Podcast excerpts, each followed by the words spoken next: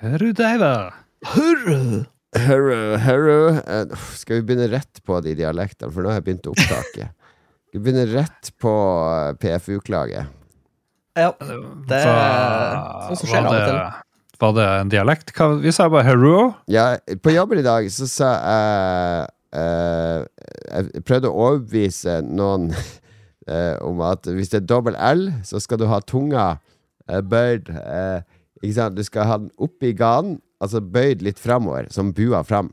Da er det hell, hello, ikke sant? Eller eh, Eller fotball, ball. Og så merker jeg Nå beveger jeg meg farlig, farlig nær å bli sånn eh, parodi på en asiatisk person som prater norsk. Så jeg måtte bare hente meg inn igjen. Jeg kunne ikke ta den noe lenger, for da hadde det blitt varsling på jobb. Fantastisk. Det Men det, er- det er litt gøy å gjøre sånn med tunga hver gang det er dobbel L. For det, det blir eh, det, det, blir en distinkt. Ja, det er dobbel L, det er enkel L. Det, det høres ut som noen trenger å gå på norskkurs, eh, egentlig. Norskkurs for nordmenn! Få Ja. det tilbake. Ja, det er mange nordmenn som kan trenge seg et norsk kurs. Velkommen til episode 485, er det det? Vi er én episode fra 486. Åh, der vi bare Ne- skal Så nært uh, Intel-tallet. Så nært. Eh, Lars er med, Mats er med, Jon Cato er med. Hellige trekløvere fra nord. Mm, pure Norwegian bliss! Oh yes, oh yes. Og det som er litt kult i denne episoden, er jo at vi har rekordmange blodferske spill å snakke om. Vi har alle spilt oi, oi. ganske nye spill. Vi har uh, selvfølgelig spillklubben tilbake. En liten pause forrige uke når jeg måtte jobbe. Eh, men spillklubben er tilbake, og vi har vi fått to fete bidrag fra lyttere. Og Nice. ja, vi har, vi har krutt å anbefale i anbefalingsspalten. nå. Altså dette Jeg føler det er terningkast seks-episode, gutta. Oi, oi, oi. Oi, oi, oi, nå må vi jo Like energinivået vi er på her, Mats. Og, og, og ambisjonene. Mm. Nå skal vi strekke oss eh, etter seks øyne på terning. Absolutt. Vi skal, Dere vet, torsdag før i tida, da var det Friends og Seinfeld og sånne ting. Det var den beste dagen. ja, det var, torsdag var komikveld. Uh, var det Men var ikke ikke? X-Files òg på torsdag? Jo. X-Files kom dager. etter hvert. Ja. Men når det var NRK-hegemoniet, ikke sant, når man bare hadde NRK eh, Når det ikke var sånne rare tall bak NRK, det var bare NRK. Uh, det var mandag, det var mandagsfilmen. Tirsdag, det var Fjernsynsteatret. Onsdag, det var såpeopera. Da var det Dynasti og Falcon-Crest. Torsdag, det var Komikveld. Og fredag var Detektimen. Det var, var liksom, liksom det var Utrolig forutsigbart! Det er ukesvis, Og det var samme hver uke. hver formiddag var A-Team og MacGyver. Ja, og hvis du Hvis skulle rangere de, så var jo tirsdagen var sist. For det fjernsynsteaterdritten, det var det jo ingen som ville se. Finsk fjernsynsteater var jo et begrep. Og så var torsdagen øverst, med Komikveld. Og så var det litt sånn det, De tre andre er litt sånn eh, ja, Såpeopera, greit. Onsdagen kan vi ta på fjerdeplassen. Altså litt avhengig av hvilken film det er, eh, om Detektimen eller Mandagsfilmen vant. Det var mye dårlige filmer da. Men de viste jo Star Wars som mandagsfilm, for eksempel, på 80-tallet. Den tok vi opp. Oh, Eh, yes. det jeg husker, grunnen til at jeg, jeg husker det så godt, at det var fra NRK. Fordi det kom sånn 'beklager, teknisk feil' ute i Star Wars. Ja, du trodde du var en del av Star Wars, når du så remastered på kino for første gang, så bare Hei, skal det ikke være teknisk feil her?! Ja, dårlig remaster. Og da var det den gamle Beklager teknisk feil-logoen, den på skrå opp, og så en sånn eh, sirkel med sånne bokstaver som kommer ut i en sånn stjerne. Helge. Men var det ikke lørdagsfilm òg? Jeg syns Alien gikk en eller annen gang. Jo, lørdag var jo en sånn frislipp for underholdning, så da var det jo sånn Lørdagen og Melodi Grand Prix og sånne shows og sånne ting var lov på lørdag, men også ofte en sen kveld, eh, film på kvelden, som kanskje kunne være litt tøffere enn de mandagsfilmene, som var litt uh, tammere. Jeg husker jeg drev og så Alien med moderen og tenkte det her var altfor skummelt for meg, men eh, det gikk nå, på et Ja. vis. Veldig bra. Hva har skjedd siden sist, folkens? Jeg har sett uh, Melodi Grand Prix Oh hos han yeah! Lars. Oh yeah! Vi hadde lørdag. We come En at banger av en lørdag hos han Lars. Det var jo en skandale at Europa får lov å kaste stemmer Ja. til norske Ja, bidrag. det De har lov å sabotere. Hva Hva er det for noe? Ja, hva er det for noe? De stemte jo Hele- åpenbart på de svakeste eh, artistene våre, og i et håp om at de skulle vinne, sånn at vi sender dem eh, til, ut i verden. Ja, For dere ville sende den der rosa jenta med kjemperoboten Mm. Ja, ja, ja. ut. Selvfølgelig. Gaute Ormåsen var i, eller hva nå heter, Gaute Something i den der roboten. Det var jo stor hvil. Men for utlandets uh, så hadde de vel uh, hva det heter, Dom Digida til Kane.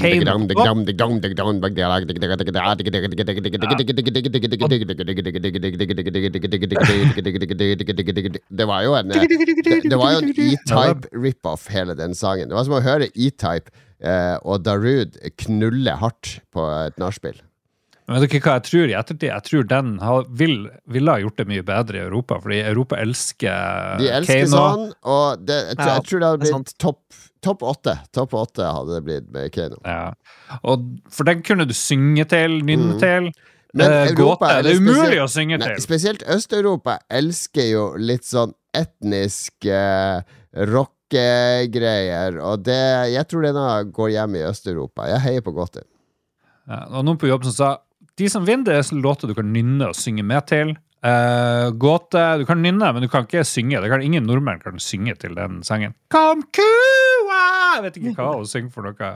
Uh, ingen som forstår et ord av den der eh, sangen. Nei, Nei, nei, Nei jeg men, tror ikke det blir å vinne, det tror jeg heller ikke, men eh, men jeg er det være showet. Showet var bra. Det var også denne pauseunderholdninga der de kjørte gjennom masse svenske vinnere. det beste var jo de syv svenske sangene. Ja, det var bra, ass! Det var bra. Vi koste oss i stua der. Det var liksom Ja. Høydalen. Ja, det var, det var. Høydalen. Ja, veldig bra. Nei, nå, jeg er blitt i sånn ekstrem MGP-modus nå. Så, og, og NRK, der ligger jo alle norske Melodi Grand Prix-finaler fra 60-tallet frem til i dag. Wow. Så jeg, jeg satt på 1980-finalen. Å, herregud, så fint det var. Det- er Anita Skorgan. Eh, Lillebjørn Nilsen sitter i juryen. Eh, det er kjendis på kjendis. Og det er vel, veldig mye dårlige låter. Og det er veldig. Åse Kleveland er programleder. Eh, ja, nå, mitt eh, nyttårsforsett er å se gjennom alle norske MGP fra 1980 til eh, 2024. Hjernen din Hjernen din kommer til å råtne bort. Stakkars. Jeg er på 1981 nå. Det høres ekstremt ut. Marius Müller er jo med på i 1981, og Alex. Og, er det, og der er Dolly Deluxe første gang med i eh, Nei. Melodi Grand Prix. De er 17 og 18 år gammel. Ikke lenger lever livet. Hva var det de debuterte med, Lars? Har ikke peiling. Med sangen 1984. Basert på George Orwell sin bok. Storebror, se deg! 1984! Nei, det er ikke sånn det går, da. Men uh, den er i hvert fall med. Artig. Ja, det er artig. Men det er, det er noe kos med å se på de gamle eh, Melodi Grand Prix-greiene. Så gammel har jeg blitt. Og hvis jeg ikke mister masse lyttere på det her, så skjønner jeg ikke. For nå begynner vi, nå begynner vi å gå i sånn gubbefelle at uh, Ok, sånn motgubbefelle. For det jeg også har fulgt litt med på denne uka Og jeg tror han streamer fortsatt, eh, er jo Oskar Westerlin har begynt å streame. Vi har, jo- Uh, your. I'm gonna close you. vi, vi har jo snakka om uh, Oskar Westerlin før. Uh, Ja. Folk driver med her, da! her. Det var fra streamen hans. Han har nå streama i ti dager. Uh, okay. Ti døgn og 1 time og 13 uh, minutter. Han, streamen skal avslutte om fire timer og sju minutter. Og greia han kjørte sånn subaton, uh, der hver subscriber legger til ett minutt på streametida. Så han har jo fått uh, Jeg vet ikke hvor mange subscribere han har nå, men det rant jo inn med subscriptions, så han har jo sittet i elleve døgn, har han jo streama nå. Han må jo sove litt av Ja, ja, han har sovet, men han har rigga Altså, alle inntektene fra streamen eh, har de en sånn greie på. Det skal gå til streamen. Til livestreamen. Så det, det har jo vært helt sykt mye aktivitet i den leiligheten. Han har jo rigga opp kamera i alle rom, fikk han montert på dag to, for da hadde de fått inn så mye penger, så at de kan filme han på badet og når han sover. Og alt sånn. Og så har han jo hatt inne masse, masse gjester. Han fylte leiligheten med 20 sånne lamaer i går, så jeg. Som bare var inne og skulle spise og, og ut igjen. Så han gjør helt sjuke, rare ting. Eh, og For eh, et geni. Ja, men det er jo ingen i Norge Altså, en bra norsk stream Den har altså, kanskje 500 viewers. 600 viewers. Hvis du ser på nerdelandslaget og level up og sånn, er sjelden de er oppe over 1000. Det kan hende, kanskje. Jeg, jeg skal ikke si det er for sikkert, men det er, det er sjelden man når 1000 streams, eh, viewers på en norsk stream. Men han har ligget sånn oppe i 6000-7000. Det er 3000 som sitter og ser på nå. Det er et eller annet med Oskar Westerlin, vi har jo snakka om han før, som uh, han, har- han har worka seg stor. Han er jo egentlig ganske uinteressant. Tydeligvis ikke, da. Det å bevise er jo uh, Snap og uh, nå er Twitch-suksessen, tydeligvis. Ja, det er det. Så, ja, men jeg er veldig fascinert av at han får det til. Han har jo et lite apparat rundt seg, og, men de gjør veldig mye riktig for å skape content og engasjement. Altså, jeg, jeg syns jo det, det content det er jo ikke for meg i det hele tatt, men det må jo åpenbart fenge en, en hel generasjon med unge folk. Men er han litt sånn rapper? At det er mye bling? Se på pengene mine. Uh... Nei, det er mye drikking, mye trening og mye boller. ah. Mye, mye på kaffebrenneriet og kjøper cookies. Og så er det jo det, Han har jo den Snapchat-koden. Han er jo en av de som tjener på Snapchat.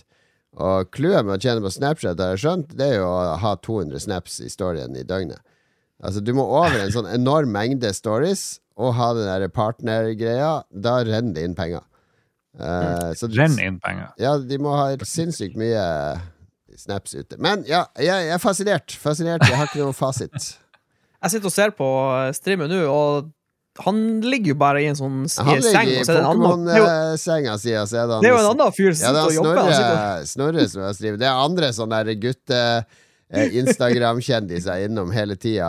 Jeg skjønner jo at han, Oskar har knekt koden. Han bare har sånn minions som jobber for seg. Men han, var, han måtte ut av leiligheta her om dagen, så jeg var ute av leiligheta i går for første gang på ni dager. Fordi det, er- det er jo på kontoret han streamer, og det er ikke noe dusj der. Så han måtte ha seg en dusj. Så han, fikk, han hadde med seg kamera ut da, som livestreama alt, og var ute og dusja og sånn. Et av gjøremålene hans er at han skal ordne seg smoking til Vixen Awards. Ja. Ja, det, det skjer mye, det. sånn- sånn er det å være berømt, altså. Han har hatt eh, eh, mye fjås. Så eh, all kudos til å klare å finne på noe sånt og, og faktisk skape det engasjementet. Det er sykt imponerende. Det er rått. Det er litt vanskeligere å være eh, famous eh, sosiale medier hvis du er mann, tror jeg. Det er mye lettere hvis du er dame. Det er jo ikke lett selvfølgelig å bli famous når du er dame, men jeg tror det hjelper å være smoking hot Er det ikke chica. bare å ta av seg på overkroppen, så blir du famous når du er dame? Er det ikke det du sier, Lars? Når mikrofonen er av? det er jo ikke det jeg sa! Ja, det er, det er tøffere, fordi dame eh, har eh, nå, nå tråkker vi fort i salaten her. Ja, ja, ja. De, det er mange sånne der eh, eh, moteting og eh, dame Altså sånn type sminke, hårprodukter, alt sånt som står i kø for å sponse eh, damer eller influensere med litt reach, ikke sant? Så det er Med litt tips? som har litt reach.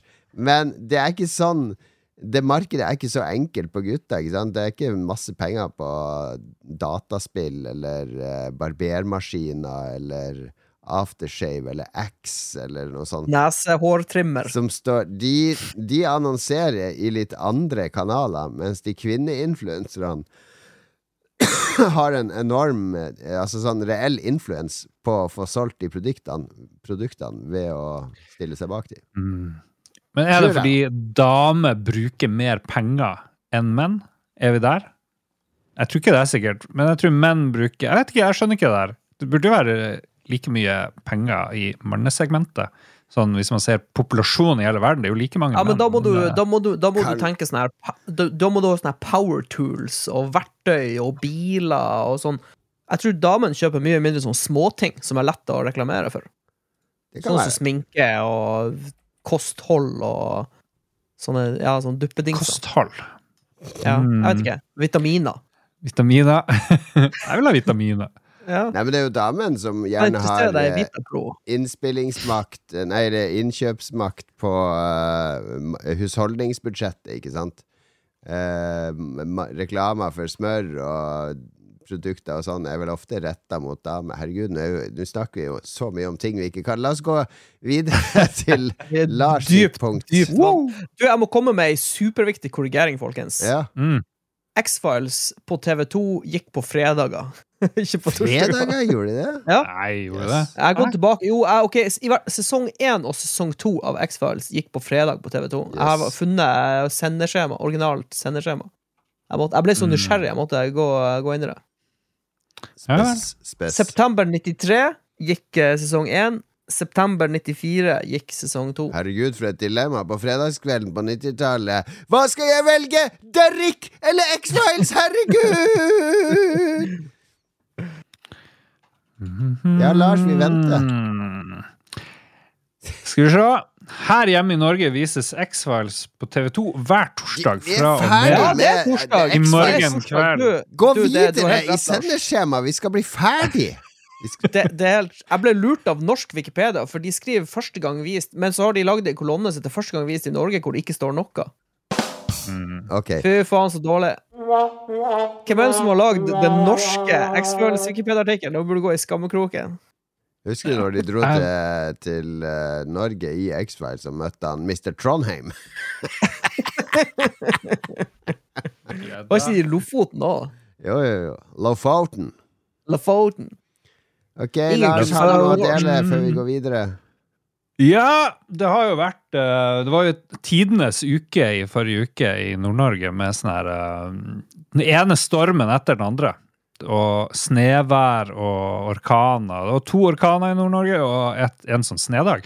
Og så skrev jeg en, eh, en kommentar etter hvert uh, på nett hvor jeg skrev at nå er det ikke lov å sutre, folkens. Nå må vi sitte stille i båten, for nå har det vært så mange som har klagd på søringene. Eh, som,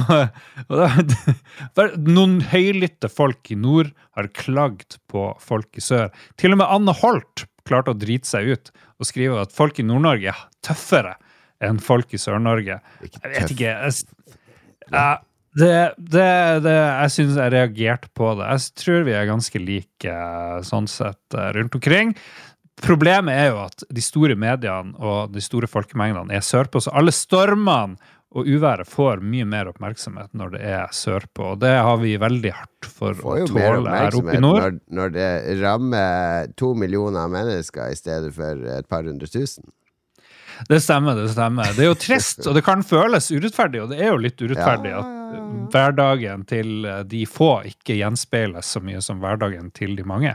Ja. Men uh, det er nå min, eh, min tolking av den der sutredebatten, hvor folk i Nord-Norge «Oi, de tåler ingenting sørpå. Det er jo ingen sørpå som står og skriker og bærer seg. Det er jo mediene som, som Ja, bare uh, speiler liksom det her nyhetsbildet. Ja. det, det, Nei, men det er, prøver jeg altså, er det jo liksom deilig at landsdelene kan uh, rakke litt ned på hverandre. Sånn skal det jo være, ikke sant. Men jeg så senest i dag, på toppen av VG forsida, så var det en reportasje med han Sven Inge Bratli fra Nord-Norge, fra Hamarøy.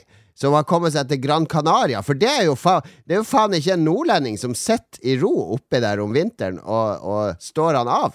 De, de kaster seg jo på charterflyene sørover for å få litt sol og varme. Nå driver du og generaliserer igjen her. Det jeg prøvde å nyansere bildet her, så skal du gå, gå hardt ut på lite data. Men ok. Nå er, det, nå er det minus 11 i Oslo, så kulda er tilbake. Det var vel en, eh, en halse i VG eller noe sånt som akkurat skrev at nå orker vi ikke mer. Og det første jeg tenkte når jeg leste den, var bare 'hold kjeft, din idiot'.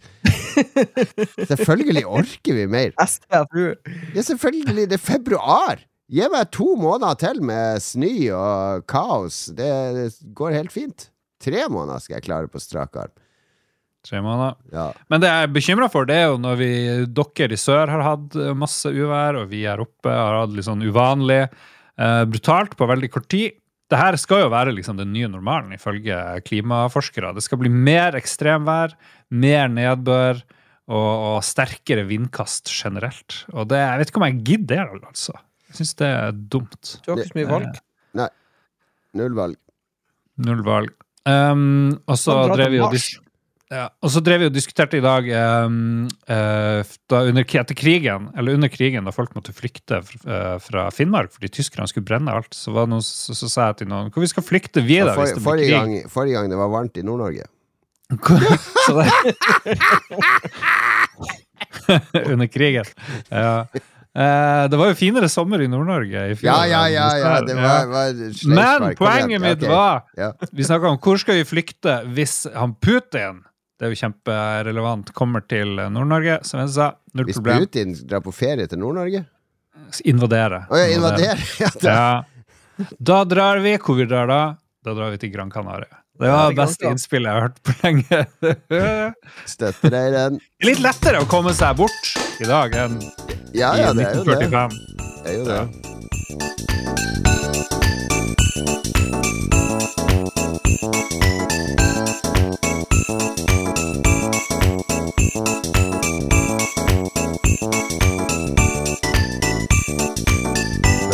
Russiske armadaen triller inn over Finnmark og mot eh, Troms, er det denne melodien som ljomer fra høyttalerne på panservognene eh, til Putin.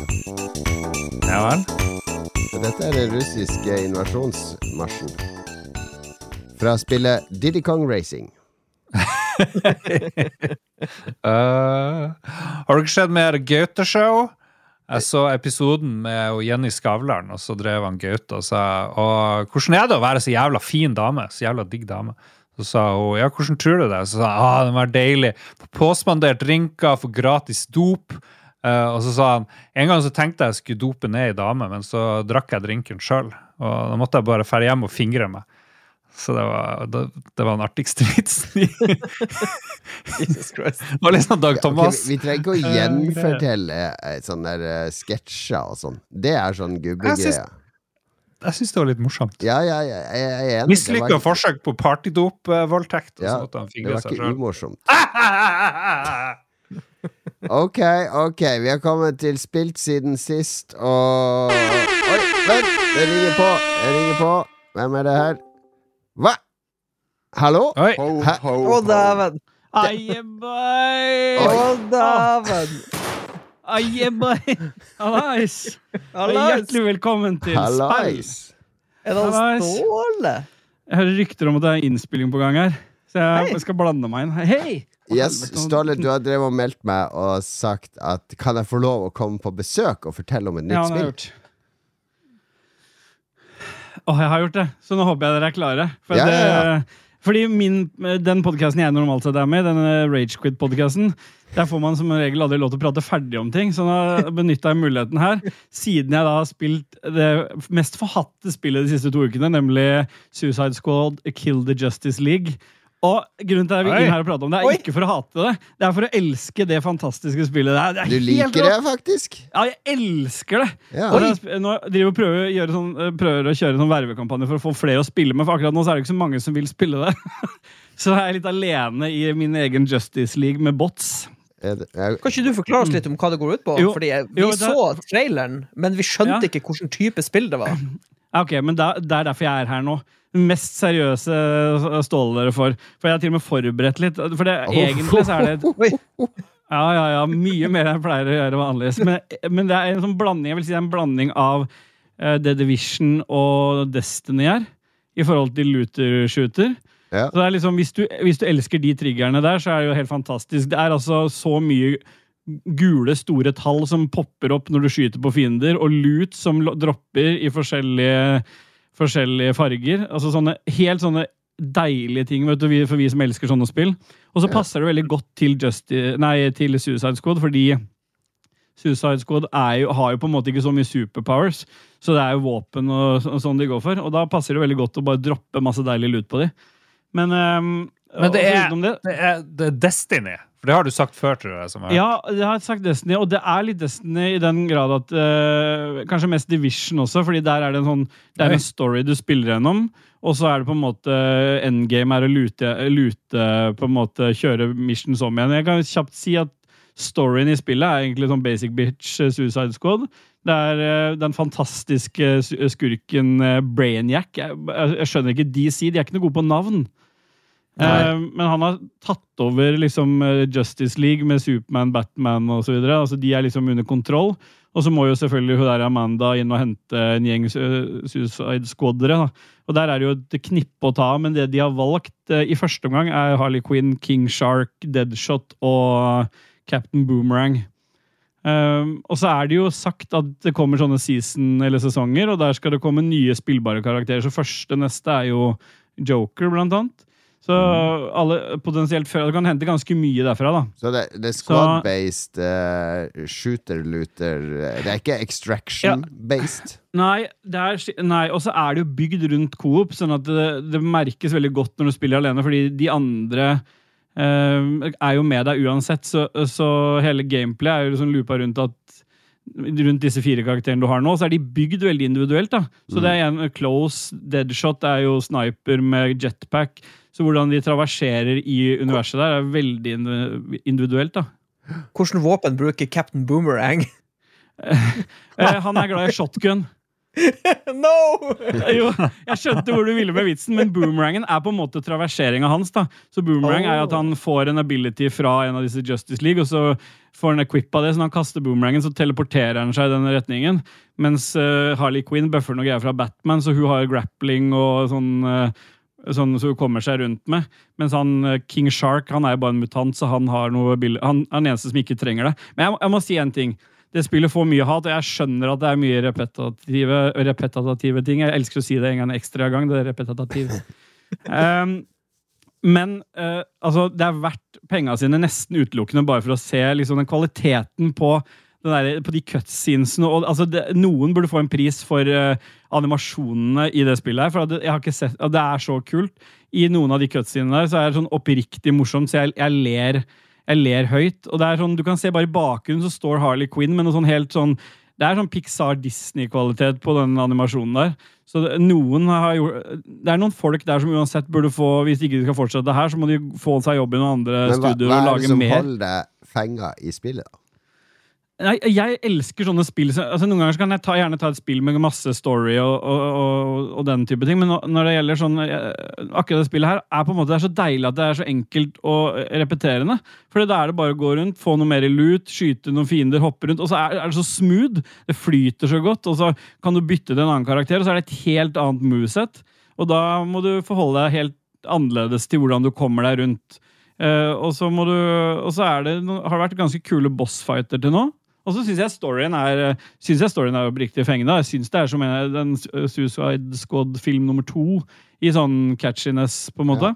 Så, og så er det et eller annet gritty med at Batman er, er blitt uh, blitt bad. Når Batman han er jo ikke kjent for å drepe en eneste sjel, men dette er jo Suicide Squad, så de har på en måte der hvor vanligvis DC er litt sånn De dekker til blodet, så har Batman liksom festa sivile eh, sivile til veggen med sånne bat Batarangs som han har liksom bare stempla inn. eh, Så det rives ut hjerter, og det er ganske det, brutalt. Det er deilig. Det er Det er befriende. Ja. Så, så Men jeg jeg har sitter jo i ensomhet ensomhet da og spiller dette Coop-spillet. Ja, nå har jeg lurt uh, min eh, Ja, Ja, nå har jeg lurt min podcast-host uh, Rochefte med på det der, så hun vet ikke hva hun går til, men uh, satser på det. Det jeg håper nå, da, det som er grunnen til at jeg er her, det jeg håper at flere bare går ut og bruker 900 spenn på det spillet, for det er basic Ja, det er. Ok, da, slapp av nå. Hvis du betaler 1200 kroner, så får du med de tre-fire første sesongene. Men hvis det Men Tre 900 sp- Ja, til å begynne med. Jeg tipper det ikke blir mer enn tre hvis spillebasen nå forsvinner over til Helldivers og vice versa. Så jeg, jeg, jeg prøver nå å verve. Så hvis noen der ute Det er crossplay, så bare kjøp det hvor du vil. Og så, legge, så kan du bare skrive til eh, meg, så vi, kan vi spille sammen og knuse alien-fiender i, i, i Suicide Squad. Jeg er åpen for å Jeg trenger noen å spille med, egentlig det jeg sier. da. Det er det du sier. Ja. Du selger inn hardt. Du selger inn veldig hardt. Og Ja, når du er sier ikke... både Division og Destiny, så, så kiler du jo mange, tenker jeg. Ja, men altså, det har ikke raid, og det har ikke liksom de elementene. Det kan godt hende at det kommer noe sånt, og det vet ikke jeg. Tviler på det. Men det det, det har, er på en måte den lute loot-greia og humoren. og Hvis du liker litt det universet, Og jeg, jeg er egentlig en av de som syns DC-universet er kulere enn Marvel, så jeg blir vel sikkert ka- kicka ut snart, da, for å si det. Ja, Men- nei, men du blir kicka ut snart, for nå har jeg vært i utleggsmappa di og sett hva du, eh, hva du har brukt av Patron-penger på de tingene her, men uh... Ja, ja men forlat. Ja, men nå, jeg, nå gir jeg, jeg gir ja, da, vi, vi, hvis, altså, hvis lyttere vil være med og spille, så, så Ja. er du tilgjengelig. Om jeg er. Ja. Spesielt Du Patron, så er spiller med både gutter og jente, eller blir uh, kona di Ja, sjalu Ja, og svarte og hvite og Ja, blå og gule. Altså ingen. Alle er velkommen. Ja. ingen, uh, ingen uh, unntak. Ja. Så helst, helst jenter, da. En siste ting før vi kaster deg ut, Ståle. Har du gått ned i Mm. vekt? Synes- 17 kilo har jeg gått ned. Yes, du, er, du ser f- forbaska fresh My ut. lord. Mm, takk. Takk, takk, takk. Mm. Wow. Nice. Så det stemmer. dette er bra. Du Så, bare ga de eh, til Lars, ser jeg. Ja. Nei da, det var Du er ikke tjukk, Lars. Nei da. Du må bare ta ta noen grep, Lars. Nei, men eh, Det var veldig hyggelig å snakke med dere igjen. Det var Håper, veldig eh, koselig å se deg igjen, Ja. Ståle. Og takk Ja, for, takk for spilleanmeldelsen. Jo, Ja. det Kan vi få mer skuddlyder? Shots Ja. fired. Oh yeah. Du var kjapt ute og stjal de fra, fra Dag Thomas. Ja, fordi sånn jeg, måtte, jeg, måtte, jeg måtte jo det for å få de klippet inn, for han brukte jo fra Discord, og da får jeg ikke brukt det. Men det var vel alt jeg hadde å si, så da Ha det bra. Sayonara.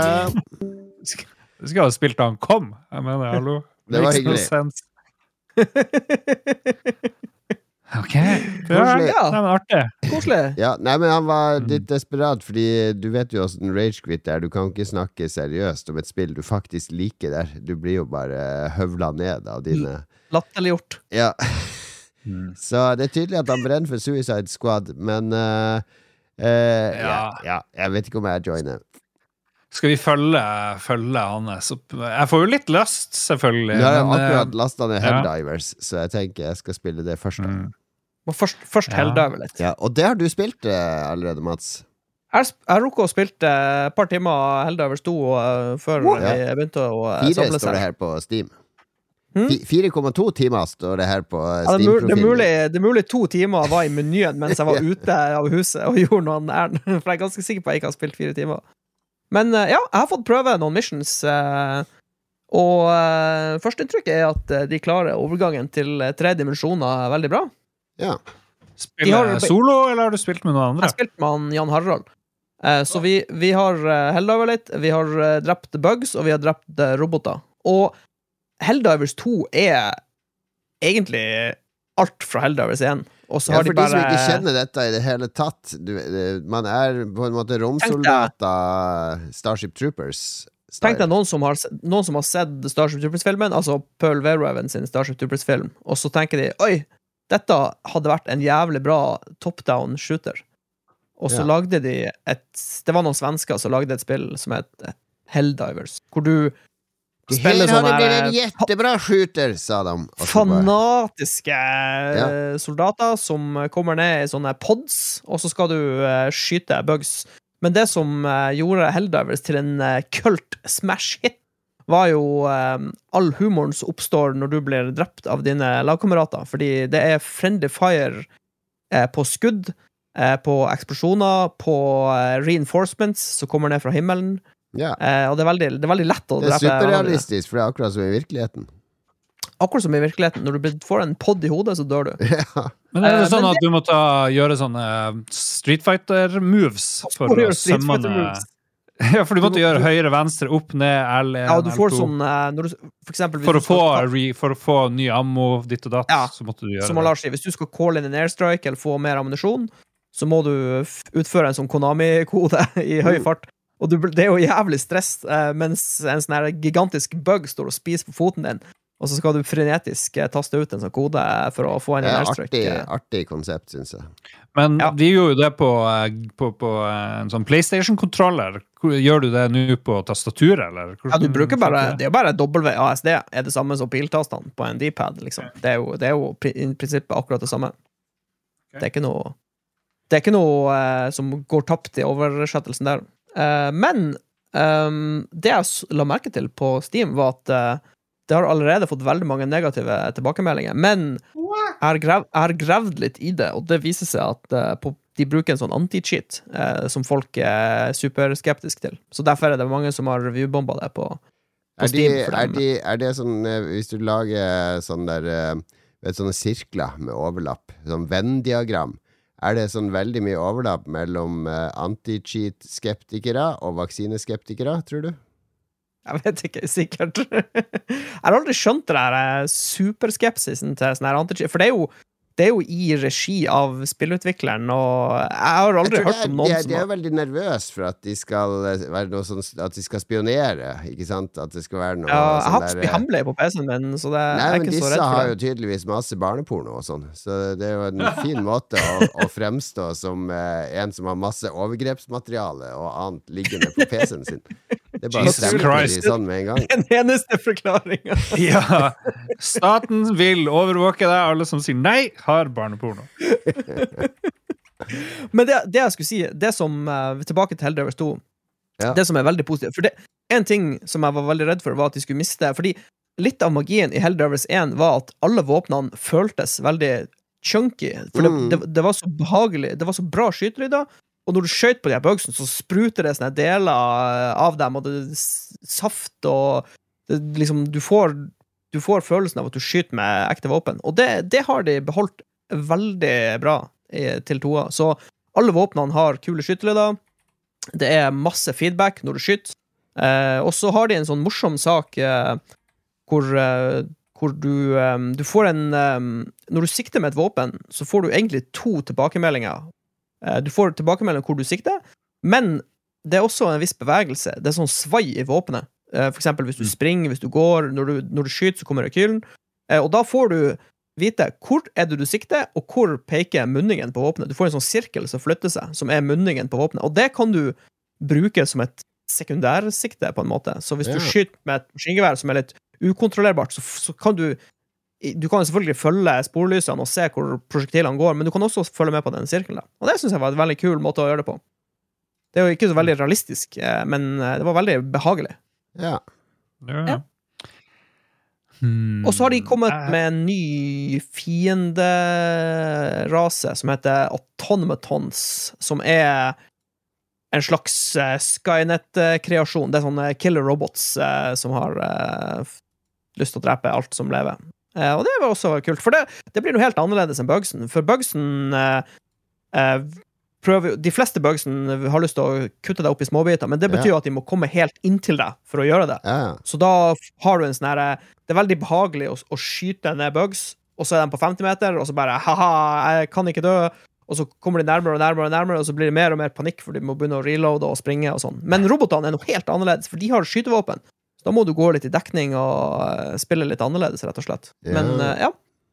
Eh, ja. Spillmessig eh, ser, eh, ser det veldig lovende ut på Helldivers 2. Så ja, vi får se. Åh. Det, dette er etter to timer. Åh, jeg gleder meg til å spille etterpå. Gjerne.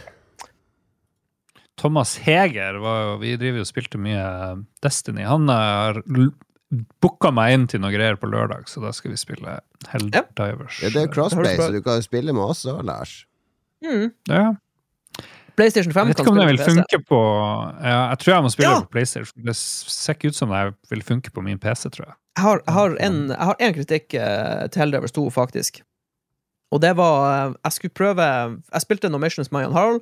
Uh, det fungerte helt perfekt. Vi lagde en sånn squad, og så for vi ned sammen, og alt fungerte feilfritt. Uh, men så skulle jeg prøve et solomission, og da Du har to måter du kan spille med tilfeldig fremmede på. Du kan enten trykke quickplay når du er oppe i romskipet ditt, eller så kan du, eh, hvis du eh, går ned solo på et oppdrag, så kan du kaste ut et sånn SOS-beacon. Og da, i teorien, så skal han tilkalle en tilfeldig person fra internettet som trykker Ja. quickplay oppe i sitt romskip, skal komme mm. ned på ditt SOS-beacon. Men det fungerte ikke. Jeg prøvde tre ganger quickplay. Fikk bare sånn fail to join lobby, og de gangene jeg var nede solo og prøvde å hive ut sånn SOS-beacon, så kom det aldri noen. Så, men det kan jo være Mm. fordi det er launch i dag, og det er serverne er smurt utover veggen. Mm. Men det, Ser det var det bra ut. negative så langt. Mye bedre grafikk enn jeg så for meg det skulle være, egentlig. Ja, grafikken er sånn Det er ikke noe sånn eh, banebrytende eh, greier. Den er, den er bra nok, eh, vil jeg si. Ja. Det fløyt Det var fløyt veldig bra. Så det, Det er var, det det er det viktigste. Og at Ja. det ikke altså, Det er noe med Det skal eh, det skal være litt konsist og fokusert, for det skal være Det skal være mye fiender og splett og blod og eksplosjoner da- og alt sånt. Akkurat den gameplay-loopen til Helldivers er perfekt for 3D. Altså at du er, du er Nå er du endelig nede på planeten, og du kan liksom se ut mot horisonten og se Mm. de her bugsen komme springende mot deg. Så det, det Dette er den rette formen for Helldivers, vil jeg si. Problemet er jo at du ser ikke bak deg. Eh, tidligere så var det top down, så nå må du jo ha Men- folk som ser og rapporterer og melder fra. Jeg tror det blir, jeg tror det blir mindre sånn Husker du Husker du alle de gangene du ble drept av din egen Sentrygun fordi du kom mellom Sentrygun og fienden? Ja, Eh, ja, Jeg har testa Sentrygun i et mission, og det er så mye lettere å unngå det. Fordi La oss si det er en liten skråning, så kan du kaste Sentrygun ned i skråninga, og så står du litt over den. Og da er det ikke like skummelt sånn som det var før. Fordi det, du har, du har bokstavelig talt en ny dimensjon eh, å jobbe med. Så eh, ja, jeg, jeg mistenker det blir litt lettere, kanskje, i 3D. Jeg vet ikke. Ok. Vi får se. Vi får se. Teamet vil show. All right, hva har du spilt, Lars? Lars? Åh, Tekken 8 har vi fyrt på. Spilt litt med Mats. Iron Fist! Iron Ja, og så spilt litt med, med meg sjøl. Det er jo et gigantisk spill. Det er jo. Tekken, Tekken før i tida. Du hadde sånn 16 karer, kanskje, hvis du var heldig. Kanskje litt færre. Så hadde du en eh, Du hadde Arcade, og så hadde du Versus, og det var stort sett det. Du hadde kanskje litt sånn beach volley og noen sånne her koko-modes ved siden av, men nå føles det ut som det er det har gått amok. Ikke bare i sånn gameplay-elementer, hvor du har liksom heat og alle de her tulletingene hvor du er i overdrive og det kommer nye moves og jeg vet ikke hva som skjer. Jeg skal være in hit. Og så har du sånn her easy mode. Du kan, plutselig hvis du trykker på L1, så er det sånn easy mode. Kan du liksom, da, da går ting av seg sjøl. Og så, så har du masse um, sånne achievements-greier, og du kan trene. Og story-moden er jo svær. Eh, det jeg tenker på story mode i slåssespill, det er at du bare spiller arcade mode med en karakter helt til du klarer bossen, og så får du en liten video. Ja, ja, det var det jo- gamle Tekken. Ja, her er det en hel handling, ikke sant? Hvor du drar rundt omkring i, i, eh, verden og, får Ja, det, det, blitt, oppleve det er blitt veldig sånn yeah, yeah. Metal Gear Solid slash Final Fantasy-aktig, den her kampanjen. Jeg hører noen si at dette er det første sånn trolig next generation fighting-spillet siden nettopp Tekken 1 og Virtua Fighter og sånt. At det, det har liksom ikke skjedd så mye med sjangeren før nå. Ja, ja, det kan godt hende. det. Nå spilte jo ikke jeg og Mats så mye, jeg har ikke spilt så mye sjøl, men det, det, det Sånn som mine problemer med mange andre spill Hvis ting blir for mye, så bare jeg drukner i, i options og i greier, liksom. Så Men mitt mål er å bli god-ish med han Lars, for det er en som heter Lars. Ja. Commander Lars. Må jeg ta det? Så må jeg bli god mann Leroy, som er det de kaller meg i Rage Quit. Leroy Jenkins! der. Og det er nå helt greit. Eh, men det er, så mye det er så mye folk, og det er så mye moves. Hvordan klarer folk å liksom, Hva man Man, skal gjøre? man mener jo én person, da. ja, Ikke sant? jo da. Ja. Man skal raile en person. Men eh, sånn generelt så ser det veldig gøy ut. Det jeg har mest lyst til, det er å spille multiplayer. Det å sitte alene, det jeg vet Det er, ikke. er det ikke bare å spille multiplayer? Ja, men da må jeg spille mot folk jeg ikke kjenner. Det er jo mye artigere å sitte i stua. Det, jeg, skal, jeg tenkte på hva Ja, er altså, mitt du kan jo spille online multiplayer mot folk du ikke kjenner, Mm. og sitte i stua. Ja. Eller du vil ha folk ved siden av deg som du spiller Men hva er deres favoritt-fighterspill? For det tror jeg fant ut i dag da jeg drev og spilte Tekken og tenkte over det. det, For det er jo Mortal Kombat, så du kjøpte sånn collectors Ja, bortsett fra det. For, mitt, for min del så er det da jeg satt i Japan eh, med, i eh, hybel med to andre, og vi spilte konstant på Dreamcastene der Soul Caliber, eller hva den het for noe, eh, da det kom eh, der. Det var, det var sånn passe rolig, begrensa utvalg av modes, og ikke så mye ting, liksom. Um, men det er litt annet. Der er det jo en arena. ikke sant? Du kan hive folk over kanten. Det kan du ikke i eh, i Tekken, så det er jo litt annet spill. Men jeg tror det er liksom det siste fightspillet som jeg elska og syntes var helt magisk. Så vi må tilbake til 99 før jeg var skikkelig hekta. Så vi får se om det vil skje nå med Tekken 8, men det ser jo veldig bra ut. Jeg er superimponert. Ja. Nei, jeg, jeg, jeg spiller jo ikke fighting-spill lenger i det hele tatt. Jeg har eh, Jeg har falt av den, men jeg men jeg, jeg frista litt med Tekken 8 så mye at jeg skrudde på PlayStation 5 som står på rommet til yngstemann. Tenkte hvis jeg, hvis jeg kjøper det, så kan vi jo spille sammen og sånn. Og så var det bare 900 spenn! Ha det bra! Eller 1300 spenn for å få alle karakterene. Jeg tror du får alle karakterene. Nei, det er fire eksklusive karakterer i deluxe-utgaven. Jesus. Ja vel. Crazy! Står det i hvert fall. Men eh, greit, jeg snudde i døra, og det ble Helldivers i stedet. Ja. Jo. Men uh, det blir jo uh, Lolbua Tekken-turnering. Det skal streames. Jeg tror det uh, Vi skal sikkert ikke røpe så mye her, men det ser ut som det blir det. Og så vil jeg ha Tekken-turnering her i Harstad, så da er dere alle invitert. Festspillene. Det. Det er ikke plass til en Tekken-turnering under Festspillene i Nord-Norge. det bør det jo være. Herregud. Herregud. All right. Eh, jeg har spilt eh, Jeg jobba veldig mye, men mitt go to-spill når jeg har hatt en sånn time etter klokka ti på kvelden der jeg skal roe meg ned før jeg skal i seng, har disse to ukene vært Like a Dragon Infinite Wealth, det nyeste spillet i Yakuza-serien, som nå heter Like a Dragon-serien. Og for de som ikke kjenner Yakuza-serien, det er jo eh, en haug med spill, opp til og med Yakuza 7 eller 8 er vel det siste, der du følger Kiryu, eh, som er eh, Altså, Kasima Kiryu var jo hovedpersonen i disse første. En stram og kul, eh, typisk eh, helt. Yakuza-helt. Eh, men han har jo eh, Skal spoile Han skal pensjoneres, for å si det sånn. Uh, Spoiler! etter så mange spill så er det på tide å pensjonere han. Så derfor lagde Sega en sånn spin-off-serie som heter Like a Dragon, uh, med en som heter uh, Ichiban. Kasuga i hovedrollen. Og Ichiban er en litt annen helt, for han har sånn svært, krøllete hår. Og så er liksom uh, Mora er fra Hawaii, og faren er jap japaner, så han er sånn blandings... eh, Og han eh, er liksom uteligger i det første spillet. Eh, har blitt utstøtt av yakuzaene og sånn. Så det er mye mer humoristisk. Pluss at det er turn-based kamper, så det er et, basically et JRPG satt til moderne tid. Så oppfølgeren kom nå, Like a Dragon Infinite Wealth, og der teamer han opp med Kasima Kiryu og en rekke nye venner, og drar til Honolulu for å finne mora si, som han aldri har møtt.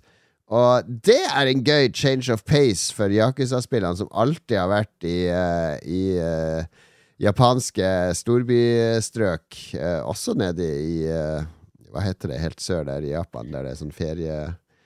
Mm, Ja, hva det heter det? Er jo der han Okinawa. Okinawa, ja. Det er også et spill som foregår der. Så det, det er litt forskjellige settings i de, men alt er jo i Japan. Og det er altså at de, nå har de dratt til Hawaii. Du er på Honolulu. Og så er det jo veldig likt altså det er i Japan. Det er jo folk som du må banke opp overalt. Det er encounters, det er masse items å finne. Det er sykt mye sånn sideaktiviteter som er veldig, veldig gjennomført denne gangen. Min favoritt er kanskje den der du skal kjøre sånn trikk med et fotoapparat. Det er som Pokémon Snap, der du skal ta bilder av sånn Pokémoner som dukker opp. Men her skal du ta bilder av per perverse, perverse menn.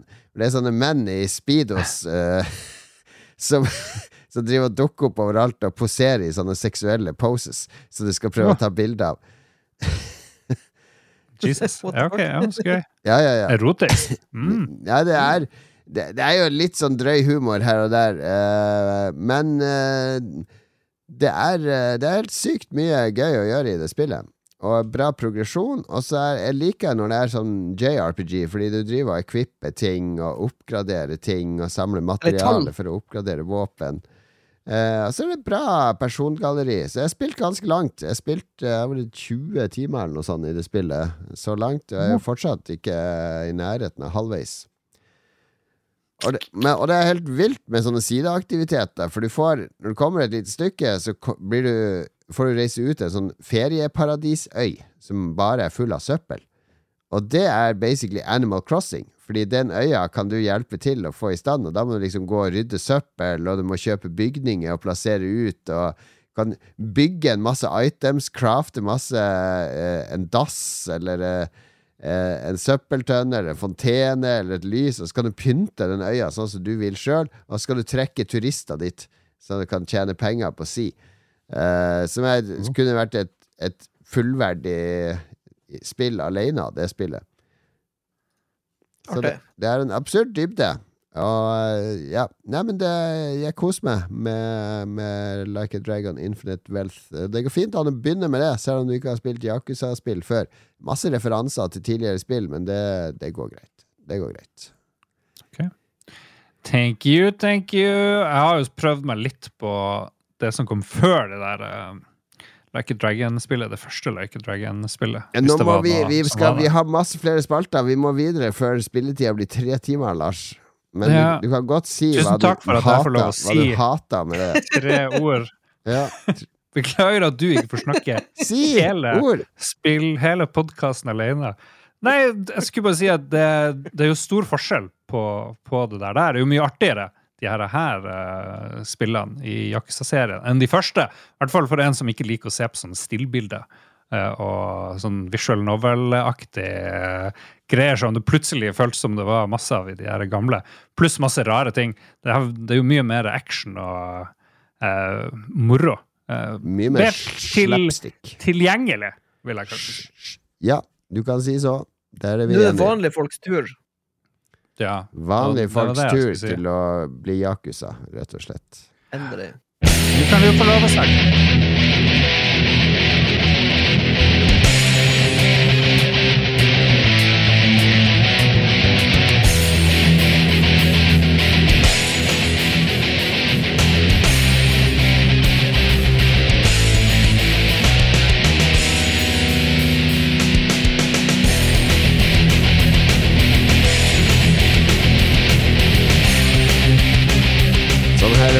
Ut på eh, Sega Dreamcast eh, når eh, Sol skulle slåss mot Ky i Guilty Gear X.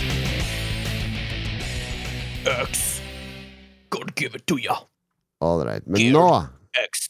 nå, kjære venner, er det Holdt på å si Spillrevyen. Spillklubben er tilbake med La oss høre litt her.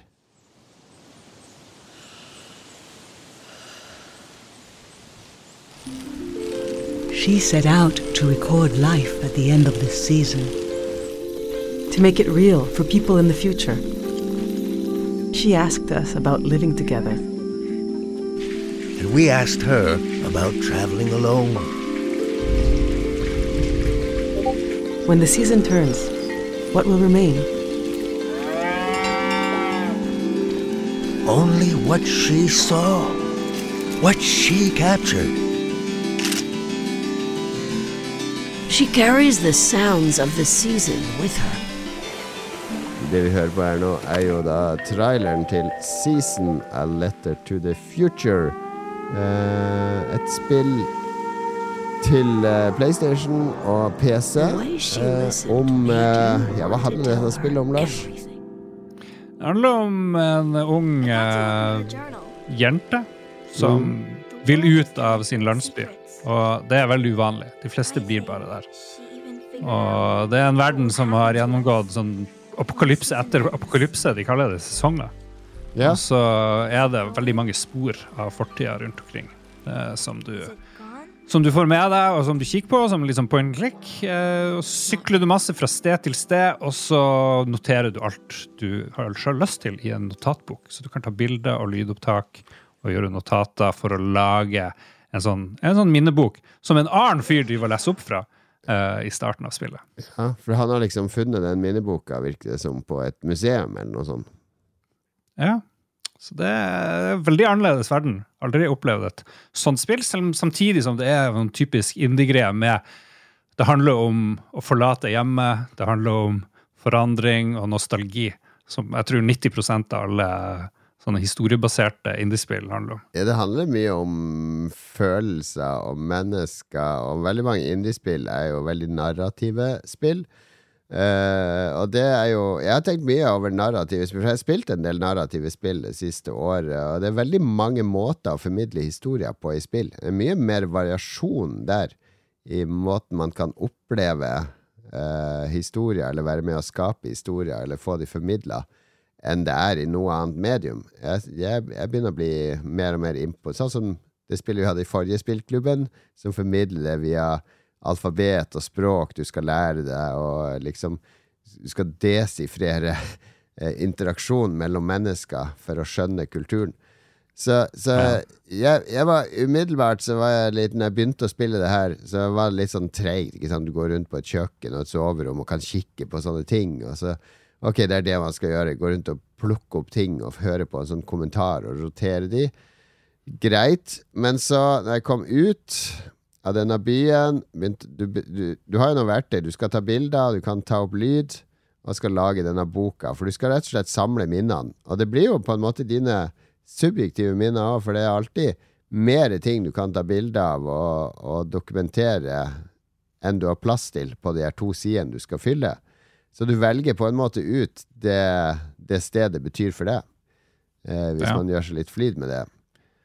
Ja, du kan lage en veldig veldig fin eh, presentasjon. Og det jeg fant jo at jeg gikk ganske sakte gjennom spillet, for jeg elsker jo fotomode Ja. i spill. Og her er det.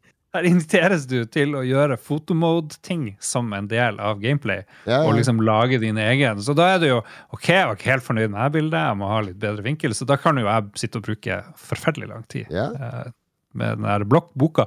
Det syns jeg var artig. Og jeg hadde samme opplevelse som deg, om at det var litt tregt i starten. Skrudde av etter en halvtime og tenkte ah, my lordy lord, skal jeg liksom gidde det her? men, så, men så måtte jeg jo gi det en sjanse, så likte jeg det mer og mer. eh, Ja, for, for meg så var det et stort øyeblikk når du kommer ut av den byen, ikke sant? Fordi det er, det er noen ting du skal gjøre i den byen, og så får du fylt den og sier Det er jo basically en tutorial. Og så kommer du ut av byen, skal man ligge litt i gresset, og da kommer logoen, og så går du over en bro, og der står det noen sykler, og så velger du den sykkelen du vil ha, den blå eller gule eller uh, røde, jeg husker ikke helt fargene på de nå. Uh, og så setter du deg på sykkelen, og så begynner du å sykle nedover en sånn vei. Og da følte jeg Oi, dette er litt spesielt, fordi det, det, det ser umåtelig vakkert ut når du sykler nedover de her veiene, og det er, det er noe sånn Ghibli-aktig med landskapene er så store og litt dramatiske og grønne. Eh, Det er ting og tang spredd ut i landskapene, men det er sånn at landskapene er rike på detaljer. Mm. Samtidig som de er veldig oversiktlige og massive.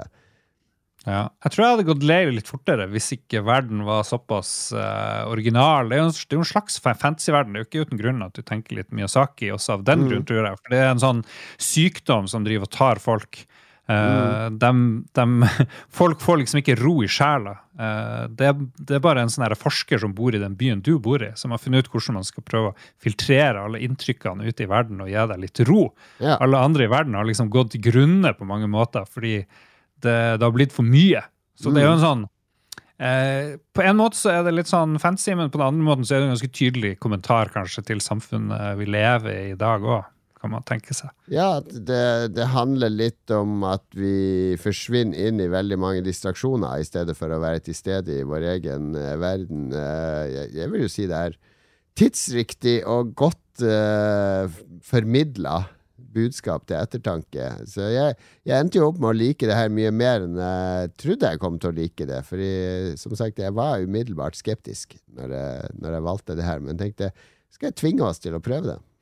Jeg er ganske sikker på at de som lagde dette spillet, vil være veldig enig med Utdanningsdirektoratets råd om å kutte ned på mobilbruk i uh, grunnskolen. For her er det kun analog båndopptaker, Tråsykkel til alle barna! Ja, polaroidkamera og veldig old school shit og null mobiltelefoner. Kan du gjøre noe sweet uh, flips på sykkelen? Noe sånn her uh, At du kan hoppe, kan du hoppe Nei, på sykkelen? nei, nei, nei. Hvis du finner rampe? Kan ringe med bjella. Kan Ja. sånn, ting, ting. Åh, ja, men det er bra. Det er bra. Uh, noe som jeg ble litt frustrert av, er jo Fordi du stopper jo denne sykkelen med jevne mellomrom, for du kommer til steder der det er ting å, å høre, lytte til, eller ta bilde av, eller man vil undersøke eller se på. Og da er jo kameraet helt fucked, fordi det kameraet er veldig sånn der eh, rigga til at det skal vise deg der du skal. Eh, mens når jeg går rundt og skal undersøke og sånn, så instinktivt så vil jeg rotere det kameraet med høyre stikke, eller med musa. Og det driver og stopper hele tida, selv om det ikke er noen grunn til å stoppe. Og sånn Og da, da ble veldig illusjonen brutt for meg, Fordi jeg, jeg lever meg veldig inn i spillet når jeg sykler nedover og koser meg skikkelig. Og så når jeg blir liksom forhindra fra å se meg rundt, uh, så, så blir illusjonen litt ødelagt for meg. Det syns jeg var Ja, det var altså en teknisk begrensning som, eh, som ikke var noe bra. Ja. Ellers så syns jeg spillet sånn teknisk er helt OK. Flyt. Veldig smooth. Og, Spilte og dere det på PlayStation 5? jeg spilte det på PlayStation. Jeg spilte det på PC. Ja. For det, det, det, er liksom, det tenker jeg hver gang jeg skal starte et nytt spill. Har det mindre enn jeg vet ikke hvor mange FPS det er som kreves for at det er levelig, 60 er det minimum. ja, ja, da, det, det må være bortimot det, liksom. Og det, den sjekker det her òg, da. Og så er det veldig fargerikt og rikt, som en sånn Miyazaki-film. Den der verden eh, spillet skjer, er det den som heter Season? Yes, a letter er, to the future. det er liksom det er alternativ versjon av jorda, på en måte. Det er ikke noe Ja, det, det er litt som Miyazaki-filmer nå, som også er, er eh, Altså Nausicaa og alle disse filmene ja. eh, er jo alternative versjoner av jorda, på et vis. på et vis. Men da får vi lyst til å skrive en journal og ta bilder og legge inn ting for ettertida. Er det noen som bryr seg? Er jo også et spørsmål. Kan Jeg tror, eh, jeg tror det kan være bra å føre en journal eller dagbok, fordi jeg tror det kan hjelpe deg med hukommelsen over ting som har skjedd tidligere, og hjelpe deg litt å analysere og, og fordøye ting som har skjedd. Så jeg tror Alle bilder- er bra. Alle bilder tatt etter at digitalkameraene kom, har jo i 90% av tilfellene forsvunnet, for du gidder aldri å se på dem. Så hvis du hadde hatt dem på papir og i en, et fotoalbum, så hadde du jo fått et helt annet forhold. Ja, Det hender vi gjør det med ungene, at vi ser på bildene fra jula for ti år siden, eller påsken for ti år siden, eller sommerferien for seks år siden, eh, sammen på en stor skjerm. Det, det er de, de eneste gangene jeg gjenbesøker de bildene, og det, det er jo egentlig veldig gøy. Eh, veldig magisk å ha et sånn iCloud-bibliotek med 6000-7000 bilder, eh, som basically er en krønike på, på hva som har skjedd de siste 20 årene. Men eh, om jeg skulle gjort Jeg husker jo pappa drev jo med Da tok du analoge bilder ikke sant, når vi vokste opp. 24 bilder i kamera, var sånn stille opp. Klikk. Ingen måte å sjekke om bildet ble bra. Og så var det klikk, klikk, og gjerne to-tre måneder. Så var filmen full. Da hadde han tatt 24 bilder, og så var det å levere inn til fremkalling. Og så satt han jo Til to foto! ja, til to foto. Og så satt han og limte Festa det inn i sånn fotoalbum. Han hadde sånne fire sånne hjørneklistremerker. Altså så slippa han bildet nedi. Og, og de, de albumene er jo som mamma fortsatt Jeg blar jo i de jevnlig. Minst annethvert år.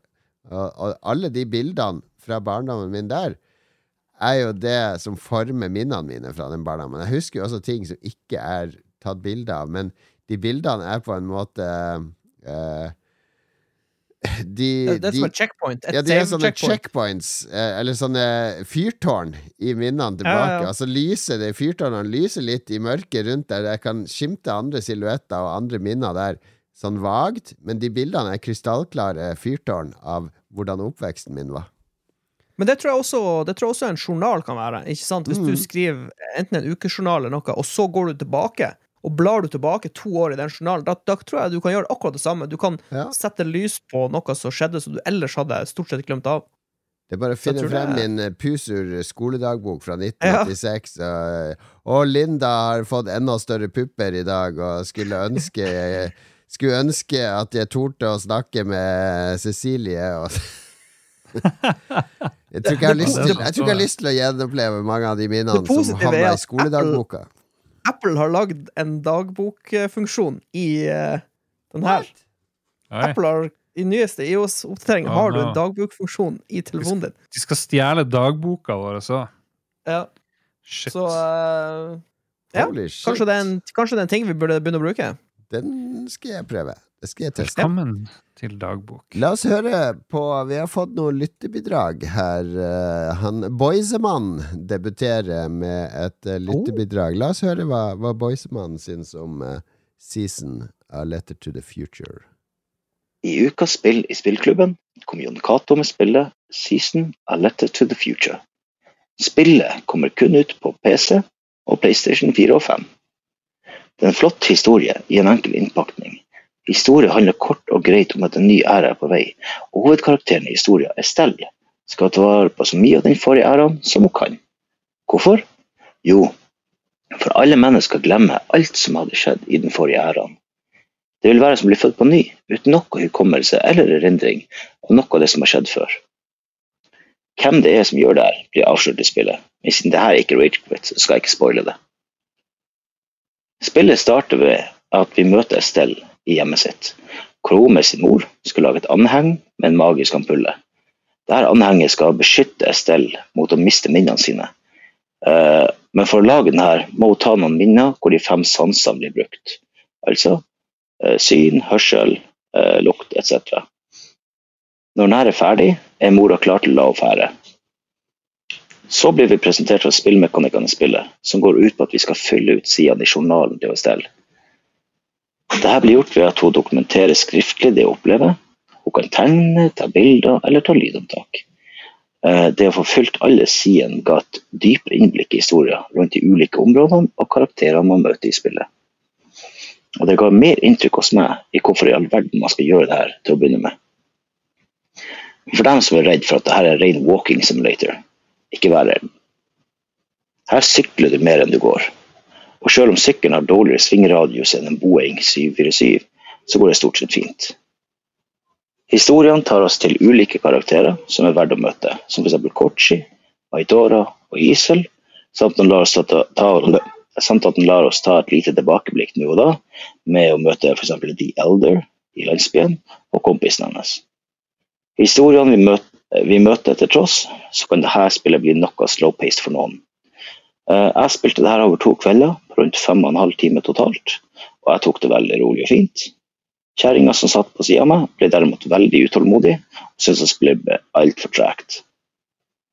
Historiene de opplever og blir fortalt oss, eh, det er det som er de viktigste elementene i spillet, eh, og er med på å bære frem, det frem som en liten perle.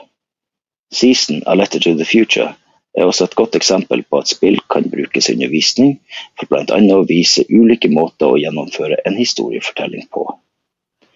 Dette er et spill som jeg anbefaler for dem som liker korte, små spill, som liker å lete frem små og store hemmeligheter, som liker usikkerheter i et spill rundt hva som skjer, og ikke må ha alt sammen skrevet i klartekst, og som ikke krever at pumpa skal gå i over 120 slag i minuttet hver gang man holder i en kontroller. Så takk til spillklubben for å presentere dette spillet for meg, og takk for meg. Tusen takk til Boysemann. Nå ble dere glad. Altså, nordnorsk spillanmeldelse, ja. det liker vi. En, en landsmann. Vi bør jo la de her eh, lytterne bare fortelle hva spillet er, så slipper jo vi det i starten. det var jo mye, vi- det var mye Ja, ja. mer oppsummering enn dere klarte. Vi kan gjøre det neste gang. Eh, Vi har et Men det, det stemmer jo.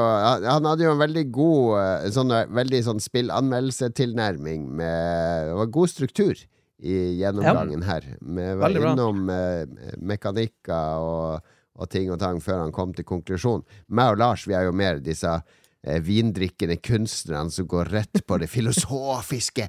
Å, hva er det dette spillet prøver å fortelle oss om menneskets sjel? Nei, så det var, det var en bra anmeldelse, Boysemann. Håper du sender inn uh, mer. Ja, enig. Har vi mer? Vi har en til. Vi avslutter med Fettesten, som oh, eh, alltid er med og bidrar. Fettesten er jo den i Norge som jeg tror En av de få i Norge som spiller, har spilt flere spill enn meg. Uh, han spiller ekstremt mye spill, uh, uh, og det her, um, det her skal du vi, altså, han, Jeg har han jo som venn på Steam, og når han spiller noe jeg ikke har hørt om på Steam, for det står jo hva han spiller, så da automatisk går jeg og sjekker ut hva er det han spiller og, og sjekker ut storepagen. Og ofte, jeg har funnet flere sånne rare, interessante små indie-perler via Fetthesten, for han han, er, eh, han burde vært en influenser når det gjelder Han er en eh, kjenner. dataspill. Absolutt. En meget god kjenner. En connoisseur! La oss høre hva han har å si om uh, season. aller første jeg vil si om uh, Season, er det at jeg har bare spilt det litt for en time. Det har uh, flere årsaker. En av de er at jeg var bortreist mye av forrige uke. En annen årsak er at Tekken 8 kom ut på fredag. Men jeg har fortsatt noe jeg vil si om det. Det aller første er at det minner meg om en eh, bok som jeg har eh, både lest og ikke lest. Rett og slett fordi at eh, den boka er så interessant. At den, har så god stemning, og den forklarer så godt og skildrer så godt miljøet og folka som er med i boka, at jeg når det begynner å dra seg til og det begynner å komme litt mer intriger og handlingen skal gå litt fortere og det skal skje litt mer ting, så er jeg ikke så interessert i det. Så jeg har med vilje latt være å lese boka videre. Boka heter Titus Grown og er skrevet av eh, Mervyn Peak. Første del av en trilogi som heter Gorman Gast-trilogien. Som anbefales veldig. Men season, da, det er jo litt på samme måten.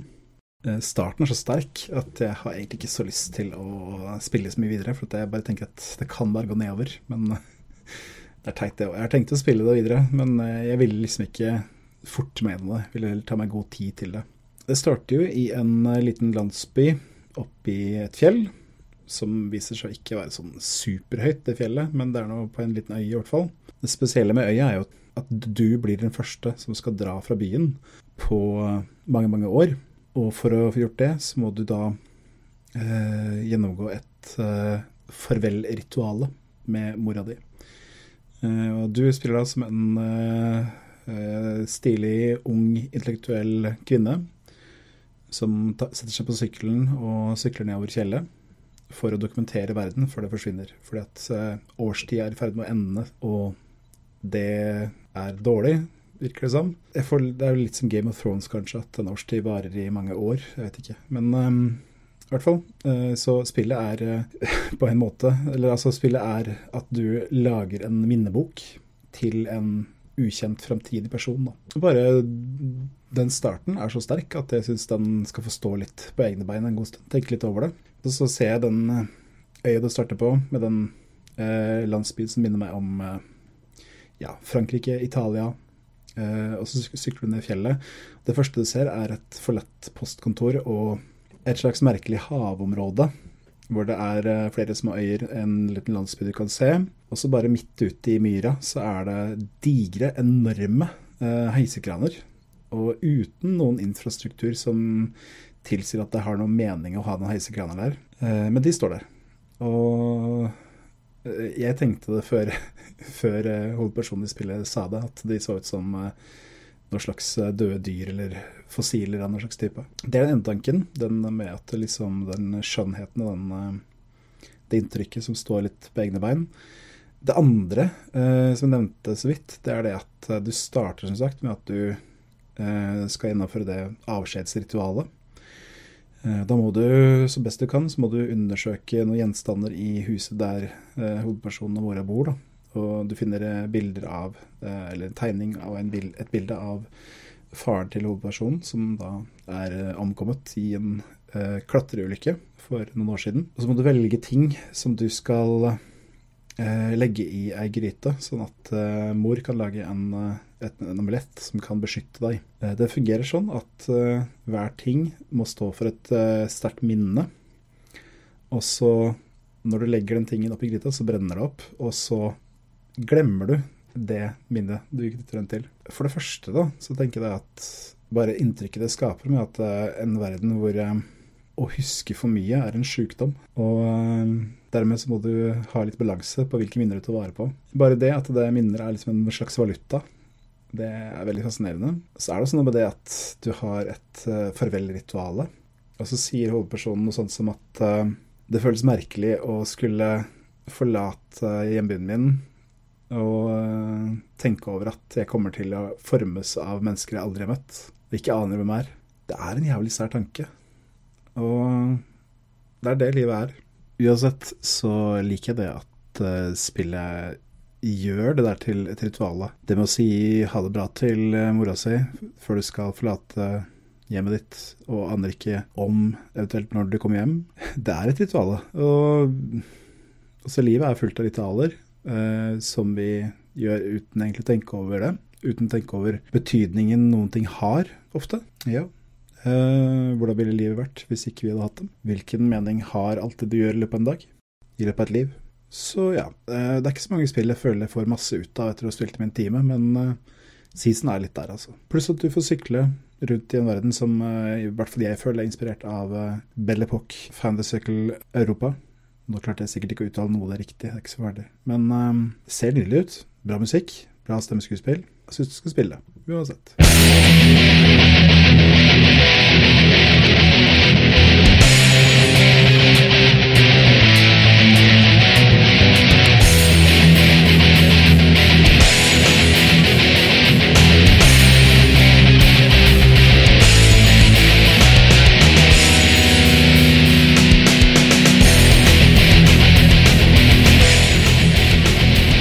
Spillklubben, folkens. Spillklubben er virkelig tilbake.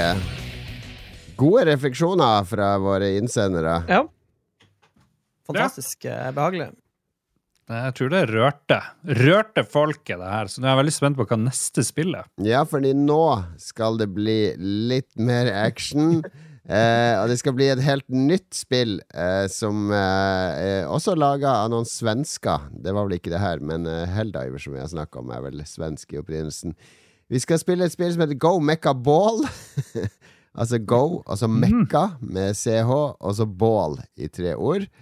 Ehm, et spill som uh, Det har ikke fått verdens beste kritikk, uh, men jeg har juksa litt. Jeg har prøvd det allerede, fordi jeg har en, uh, en venn og tidligere gjest i Lolbua, Erlend Grefsrud. Han har vært med å lage dette spillet, så jeg har sett at han spiller det jo hele tida. Sikkert fordi de driver og patcher og skal bugteste eller et eller annet. Vet ikke. Men det er et spill der du skal være Det er en twin stick shooter der du også skal rulle rundt som en ball i høy hastighet og kan ramme ting og folk. Og eh, jeg skal ikke si noe om eh, om jeg likte det, eller om det er kult, for vi skal spille det frem til eh, neste gang. Det heter altså okay. Go Mekka Ball, og eh, alle som vil, sleng dere med. Delta, bidra, og så skal vi gå i dybden. Og her blir det ikke noen filosofiske betraktninger og minner og ritualer og livets eh, mening, men eh, også disse typer spillene har en funksjon, Lars, så dette blir gøy å, å filosofere over. OK, jeg er klar. Jeg er klar. Kun på Steam, kanskje. Det- Ja, det er nok kanskje det, så, men eh, du får se hva du får til. Ja, ja, ja. men det går bra. Ja. Jeg laster ned, jeg lastet ned seks Steam-spill mens vi har gjort innspilling her. Fordi jeg må, jeg må spille gjennom norske spill fra i fjor. Ah, Så ja, ja, ja, ja. The Good jury. time. The jury. Jury duty. Jury duty. Eh, vi er kommet til anbefalinger. Skal jeg gå først? Do it. Jeg har selvfølgelig den beste anbefalinga av alle, fordi jeg anbefaler et menneske. Og det, hva er bedre enn mennesker? Ja, men Ingenting som er bedre enn anbefaler mennesker. du å gjøre med det mennesket? du skal, du skal Du kan prate og konversere med Ole Morten Tunes. Uh, som Ja, vi, eh, kan vi være sikre på at det ikke er tunes? Ja, det er veldig artig etternavn. Tunes. Ole Morten Tunes. Tunes. Og han finner du oftest på, på I Favusbygget i Kanebågen. Hva er det her for noe? Og han er fysioterapeut, og han er Det er fysioterapeuten din du skal anbefale. Og han jobber, han jobber Fysioterapeut. Han jobber på nevrokirurgisk avdeling på UNN, og han driver mye med idrettsfolk og sånt. Så hvis du har noen problemer med kroppen din, Bestill jeg fly til Evenes, Ja. så tar Ja. du flybussen. så drar du til Ole Morten Tunes. Veldig glad i sykling. Han er med i Harstad sykleklubb, eh, og det er jo noe Det er jeg også. Jeg er betalende medlem i Harstad What? Ja. Ja. Nei, for jeg har jo mye sånn fysiske greier. Jeg har jo gått i sikkert 20 år til sånne her kiropraktorer og ulike greier, men den som er best, er han Ole Morten eh, Tune. Så glem alle de andre jeg har nevnt. Nå er det kun Eh, Fysioterapeut, er det de som plutselig liksom knekke ryggen din, eller er det noe Nei. Okay. Nei. Fysioterapeuter handler om å, å se på kroppen din, eh, kjenne litt. Det er de som er med når fotballspillere er og skader seg og sånt. Har litt vondt i sjela. De er eh, medisinsk bevist fungerer. Kiropraktorer er ikke med eh, medisinsk Ja, jeg syns det ser skum, skummelt ut med de som driver og knekker og sånn, så da støtter jeg Jeg støtter disse fysioterapeutene. Det er sånn trykkbølgegreier. Og jeg var også hos fysioterapeut for noen år siden, og jeg hadde sånn musealbue da jeg spilte for mye Tarkov. Og Der får de med sånn trykkbølgepistol på albuen min og, og liksom masserte musklene langt inni der. Ja, det har mye med muskler. Men eh, stort sett så får du beskjed om å gjøre noe øvelse. Eh, Og det er sikkert 20% av alle mennesker som gidder å gjøre de øvelsene de får. eh, Ja, de jeg fikk for musarm, de hjalp veldig. Og de tar jeg fram igjen. Det er veldig enkle øvelser med sånn strikk og sånn. De tar jeg fram igjen jeg- hvis jeg kjenner at det begynner å, å Mm. være noe muskelsmerter der. Og det fikser med en gang. Jeg har stor Ja. tro på det. Så har du vondt i kroppen. Noen ganger kan det hjelpe å gå til lege, men de vil bare gi deg piller og sånn her drit. Ja. og så, men hvis du vil ha resultater, så går du til en fysioterapeut. Kanskje det er mitt, mitt mer generelle eh, råd. Har du prøvd uh, å spørre han Ole Morten om du kan betale ekstra for en happy ending, for å se hva som skjer? det skal jeg gjøre neste gang. Jeg skal dra ut kuken, skal jeg si 5000 Suck your cock for 5000 dollars! All right. Ingenting kan gå galt jeg skal ha en eh, nordnorsk anbefaling, jeg òg. Fordi for et par uker siden så var jeg og min kone på release-party for uh, Stordreper. Eh, du kan, det, kan gå på stordrapar.net. Så ser du vår eh, supergjest Martin Bergesen, som har vært med både i Spillrevyen og, og Lolbua. Det er hans band, han og eh, en kompis, som uh, spiller um, Er det noe sånn synt, uh, rock, pop, uh, hiphop-elementer fra um, min Det er noen 80-tallsvibber, og de har ganske kule videoer. De er, han er jo litt sånn multikunstner, han Martin, som både driver med Han lager film og lager musikk, og han skriver intellektuelt om spill, og får fritt ordstøtte, og skriver dybdesaker om spill, og uh, har vært redaktør for sånn antologi om spill, der jeg hadde en av novellene. Så han, han er veldig sånn multikunstner. Og så uh, dro jeg jo selvfølgelig, for jeg må jo backe venner uh, som mm. har band og skal på scenen. Og tok med Synne, fordi da kan vi ta noen drink, spise først, ta noen drinker, ha som en date night. Og så tenker jeg, altså, blir det for kjedelig, så bare drar vi videre.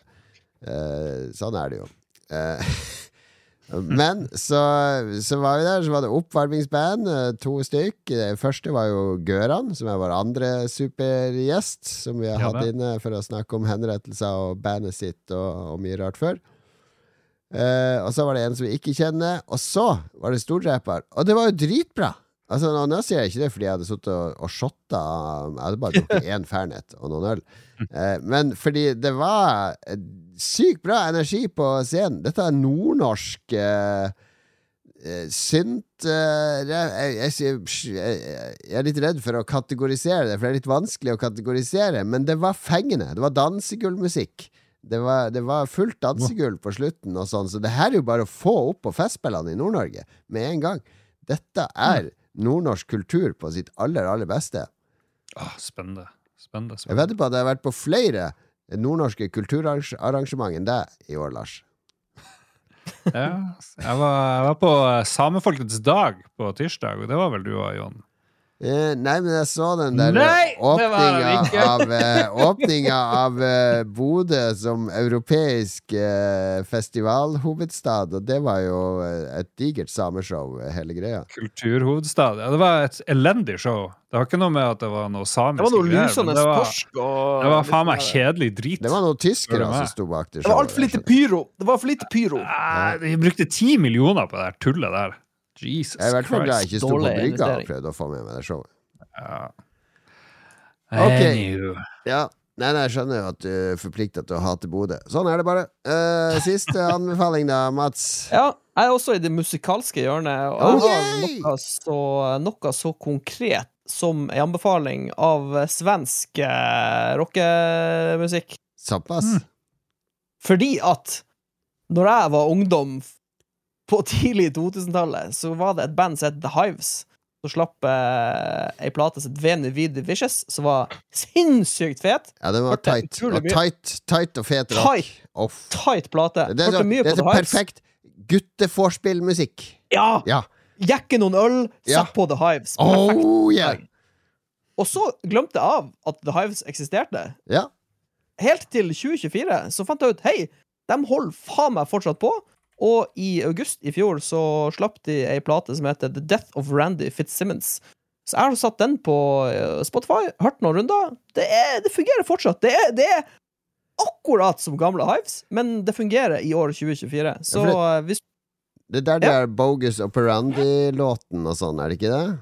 Ja, stemmer det. Ja, ja, ja. Og denne, det, jeg så videoen til den og bare tenkte jøss, Hives er jo like bra nå som de var da. Ja, Ikke sant? Og jeg fikk faktisk veldig lyst til å se en The Hives-konsert, så jeg ser at de driver og turnerer og står på. eh, Så jeg må, jeg må prøve å komme meg på en Hives-konsert. Hives-konsert. til festspillene ja. i Nord-Norge nå. Ja, ja, ja. De driver enda og holder på. Så gøy. Herre min natt. Ja, det er fantastisk. Men ja, hvis du, hvis, hvis du som meg hørte på The Hives i din ungdom og har glemt av at de eksisterer, ta og sett på den nyeste plata deres, fordi det er, det er den, den gode, gamle Hives-magien er absolutt til stede. Jeg plata sånn 20 minutter lang, liksom. For det Ja, det er sånn jeg de var- 33 minutter eller Ja. sånn total lengde. Det er helt perfekt. Helt perfekt. Kjør på, klampen korte i bånn. Korte plater, husker jeg. Det var Ja, det er så fantastisk. Nice. nice Nei, men her er vi, her er vi eh, totalt aligned, eh, Mats. Eh, The Hives, The Death of Randy Fitzsimmons er anbefalt. Stordreper. Hør på Stordreper på Spotify eller der du hører på musikk, og sjekk ut videoene på YouTube. Og når du har vært nok i moshpiten til at kroppen verker, så ringer du til han Ole Morten Tunes og får deg en fysioterapitime. Og det var det. Vi har vel ikke noe lytterspalt, har vi det? Neo, ikke den Nei, men det var Det var en fin, eh, fin episode, folkens. Ja, vi har det. Vi må takke våre produsenter på slutten, og de må vi jo takke som at eh, Som at vi sykler rundt i seasons og møter de for første gang og er nysgjerrig på livet deres. Ah, Jeg føler meg som han Peter Molyneux. Hei, TTM-eksempel. Det var veldig fint å se deg. Å ja, du husker ingenting? La meg finne noen minner på deg. Oi, en brukt kondom! Ja, ja, ja, sånn gikk det. Du, Jarlsberg, fortell meg om livet ditt, eh, foreldrene dine, søstera di, og hvorfor du sitter naken eh, på en barkrakk og drikker Fernet Branca. Hei, eh, Christer Lysaker. Kan du puste sammenhengende i 30 sekunder inn i den mikrofonen? Ikke still noen spørsmål, bare gjør det. Kong Hong? Eller var det han Christer Lysaker? Det var han Kong Hong. Kong Hong, hvorfor driver du og gir reach-arounds til han Duke Jarlsberg som er naken? Ja, ja. Den var billig. Den var billig. Takk, takk. Spruce man. Why don't you take me into space, cause you're spruce man? Ok, ja, tusen takk for eh, bidrag, produsenter. Og så er det noen som venter på Swapper-gaver. De er ferdig pakka. Eh, jeg, det eneste jeg må gjøre, er å printe de her adresselappene og levere de på Rema, og det skal jeg gjøre nå på lørdag. Så det er bare å glede seg, folkens, som er Swappers. av- eh, på i Lolbua sin Patrion. Bla, bla. Glemte åssen jeg prater. Nå, Lars holder på å dø av hosteangrep. Mats gjør seg klar til Helldivers. Ja. Eller jeg skal først i et møte, og så er jeg klar for helt Gjør det. Vi snakkes, eh, folkens. Takk for at dere hører på Couscous, couscous, nuss, nuss,